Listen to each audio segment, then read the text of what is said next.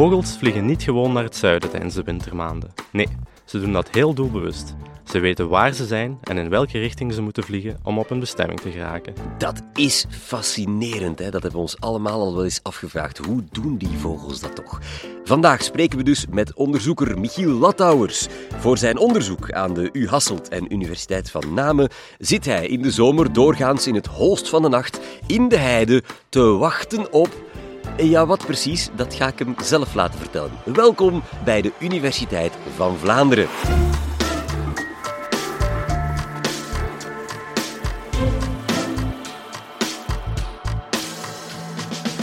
Michiel, welkom. Jij bent doctoraatsonderzoeker in de biologie en jij zit soms s'nachts te wachten op de heide. Maar waarop precies? Ja, dat klopt, Tom. Uh, mijn zomernachten die spendeer ik nogal vaak uh, op de heidegebieden van de Vlaamse Kempen. Daar zit ik dan eigenlijk met mijn hoofdlamp en mijn rubberen laarsjes uh, te wachten op een heel speciale vogel, namelijk de nachtzwaluw. Dus de nachtzwaluw is een schemeractieve vogel, ongeveer zo groot als een merel. En die kan je eigenlijk uh, op warme zomeravonden zien vliegen boven de heides, waar hij jaagt op vliegende insecten zoals motten en kevers. En voor mijn onderzoek is het zo dat ik nachtzwaluwen ga vangen, om ze dan te voorzien van een zendertje om hun beweging op te volgen en te onderzoeken hoe ze tijdens de winter naar Congo trekken. En waarom zijn specifiek nachtzwaluwen zo geschikt voor dat onderzoek? Ja, dat is wel een goede vraag. Want uh, ja, veel andere soorten, zoals bijvoorbeeld een koolmeesje of zo, die, die zouden eigenlijk van de stress gewoon sterven als we, als we dat soort handelingen daarmee zouden doen. Uh, maar de nachtzwaluw is eigenlijk zo gewend aan zijn camouflage als we die gewoon in onze hand hebben en zo, zijn die super chill, om het zo te zeggen. Dus kunnen we daar heel gemakkelijk onze zendertjes op bevestigen en dit soort onderzoek daarmee doen. Ja. Zelfs op je hand denkt hij nog altijd, ze zien me niet, ze zien me niet. Ja, inderdaad. Als we ze willen loslaten, duurt het soms uh, een paar minuten eer ze van onze hand wegvliegen. Dus, uh, ja. En is, is dat moeilijk, zo'n nachtzwaluw vangen met je rubberlaarzen en je hoofdlamp aan s'nachts? Goh, moeilijk is een groot woord, uh, maar er komt toch wel redelijk wat bij kijken. Um, want ja, overdag zitten nachtzwaluwen dus gewoon uh, op de grond of in een boom, uh, waar ze dus eigenlijk perfect gecamoufleerd zitten met hun grijsbruine verenkleed. en het is eigenlijk pas wanneer de zon ondergaat dat ze actief worden. dan beginnen ze dus te vliegen en dat is dan ook het moment wanneer wij eigenlijk van start gaan om ze te gaan vangen. Hoe we dat doen is als volgt. we gaan dus beginnen met netten te spannen. En bij die netten gaan we dan een speakertje hangen met het gezang van de nachtzwaluw, om daar op die manier eigenlijk de vogels naar het net toe te lokken. Dus als je wilt, Tom, kunnen we nu eens even luisteren naar het gezang? Ja, laten we.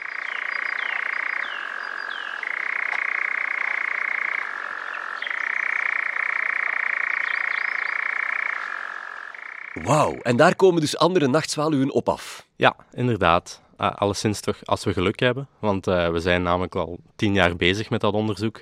Dus ondertussen beginnen de vogels ons en onze geluidsfragmentjes wel stilaan te kennen. Ah ja, die zeggen dat door. Ja, ja, ja inderdaad. Maar dus als we geluk hebben uh, en de vogels kunnen vangen, dan bevestigen we dus een zendertje waarmee we dus de locatie en het gedrag van de vogels doorheen het jaar kunnen registreren. En als we dan het jaar daarop dezelfde vogel kunnen terugvangen, kunnen we de data verzamelen. En wat we daar in die data zien, dat is toch wel dingen die we niet verwacht hadden. En jullie doen dat dus al tien jaar, dat zijn tien jaar aan data. Wat zie je in al die gegevens? Het eerste dat we bijvoorbeeld kunnen zien is dat de nachtzwaluwen vertrekken in september. Um, dan gaan ze eigenlijk naar het zuiden trekken, uh, omdat ze hier in de winter dus niet genoeg voedsel kunnen vinden. Uh, vanaf september trekken ze dus naar Centraal-Afrika, waar ze aankomen tegen eind oktober. Ze vliegen, uh, net zoals het, tijdens het broedseizoen, gaan ze enkel s'nachts vliegen. Op die manier vermijden ze dus bijvoorbeeld roofdieren en oververhitting, waar ze overdag last van zouden kunnen hebben. En net zoals veel andere trekvogels gaan ze ook gebruik maken van een paar stopovergebieden. Uh, dat zijn dus gebieden waar ze een paar dagen hun migratie gaan onderbreken, om op die manier uh, energie- en voedselreserves op te gaan bouwen. Nu, buiten die stopovers uh, leek het ons vrij logisch dat ze uh, tijdens het migreren iedere dag zoveel mogelijk en zo snel mogelijk zouden gaan vliegen, uh, om dus zo snel mogelijk op hun bestemming te geraken. Maar we hebben dan eigenlijk ontdekt dat er toch meer van een strategie achter zit. Een strategie die zich houdt aan wat wij optimal migration noemen. Dus ze doen dat niet zoals wij naar het zuiden van Frankrijk zouden rijden met een auto vol kinderen op de achterbank. Ze doen dat volgens Optimal migration, wat is dat precies? Ja, dat klopt. Uh, die optimal migration, dat wil eigenlijk niet meer zeggen dat ze gewoon hun migratie gaan proberen zo optimaal mogelijk te volbrengen. Er zijn twee factoren waar dat van afhankelijk is, namelijk energie en tijd. Die gaan dus eigenlijk bepalen onder welke omstandigheden ze gaan migreren of niet gaan migreren. Bijvoorbeeld als de vogel merkt dat er een goede wind is die hem in de rug gaat waaien en dus uh, het minder energie gaat kosten om te gaan vliegen, gaat hij dus ervoor kiezen om op dat moment te gaan vliegen.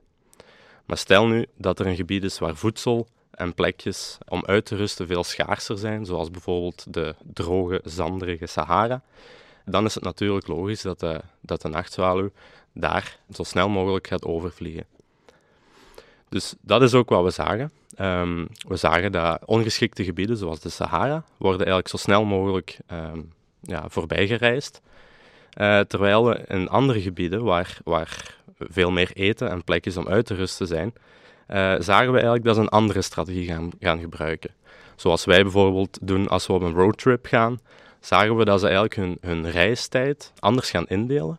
Ze gaan dus minder tijd spenderen aan het actieve reizen, maar ze gaan daarnaast dus ook op een soort opportunistische manier een beetje gebruik maken van de voedselvoorzieningen die ze daar vinden, om dus ter plekke eigenlijk tijdens het reizen opnieuw hun, hun energiereserves eigenlijk, uh, bij te vullen. Maar bij ons zegt de GPS natuurlijk dat er een tankstation met een goed restaurant zit aan te komen. Hoe weten die zwaluwen dat? Ja, dat is natuurlijk iets moeilijk uh, om te onderzoeken. Uh, maar we weten alleszins dat er twee aspecten zijn eigenlijk die daarbij komen kijken. Dat is namelijk het kaartprincipe en het kompasprincipe. Dus langs één kant heeft een vogel natuurlijk een soort interne kaart nodig, die hem eigenlijk gaat zeggen waar hij zich op dat moment bevindt uh, ten opzichte van zijn bestemming, waar hij naartoe wilt gaan. Maar zoals iedereen die ooit bij de scouts is geweest wel weet, uh, heb je niet alleen een kaart nodig, maar ook een kompas, waarmee je dus eigenlijk kan gaan oriënteren uh, in welke richting je zou moeten vliegen om op die bestemming te geraken. Over het aspect van de kaart weten we momenteel eigenlijk maar vrij weinig. Bij bepaalde soorten weten we dat geur of verandering in het magnetische veld van de aarde een rol kunnen spelen om eigenlijk in te schatten waar de vogels zich gaan bevinden. Over het kompasprincipe weten we wel iets meer. Vogels die overdag gaan vliegen, uh, die gaan eigenlijk gebruik maken van de zon om zich te oriënteren. En nachtelijke vliegers die gaan gebruik maken van de sterren, meer bepaald de poolster, om zich te oriënteren.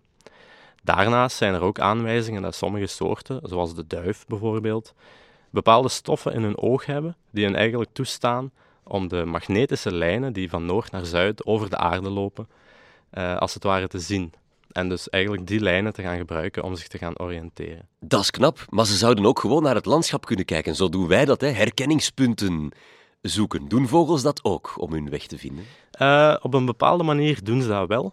Uh, maar landschappen gaan eigenlijk een veel belangrijkere rol spelen uh, in de overleving die ze dus eigenlijk tijdens die reis moeten hebben. we weten bijvoorbeeld dat landschappen tegenwoordig zijn volop aan het veranderen. Steden worden groter, bossen worden gekapt om plaats te maken voor akkers, of woestijnen gaan zich uitbreiden. Um, en we zien dus eigenlijk dat dat, ja, dat gaat natuurlijk een invloed hebben op hoe die vogels kunnen gaan overleven tijdens die gevaarlijke reis. Zoals ik al gezegd heb, hebben ze dus hun omgeving nodig, telkens om, om voedselvoorzieningen op te bouwen, om dus die lange reis te gaan overleven. Uh, en wat ik dus ga onderzoeken, is dus eigenlijk kijken hoe die veranderende landschappen van tegenwoordig een impact gaan hebben op de overleving van de nachtzwaluw en andere trekvogels. Dus om dan even op de hoofdvraag te antwoorden, hoe vliegt zo'n nachtzwaluw nu eigenlijk naar Congo? Ze doen dat eigenlijk met uh, twee dingen, een kaart en een kompas, die ze als het ware ingebouwd hebben in hun hoofd. Ze vliegen enkel s'nachts en ze doen er ongeveer twee maanden over om de reis van België naar Congo te volbrengen. Hierbij zijn ze dan ook heel erg afhankelijk van hun omgeving. Uh, en het is dus daarom dat ik ga onderzoeken hoe de veranderende omgevingen vandaag de dag een invloed gaan hebben op hun overleving. Dankjewel voor die nieuwe inzichten, Michiel Lattauers. En de groeten aan de nachtzwaluw.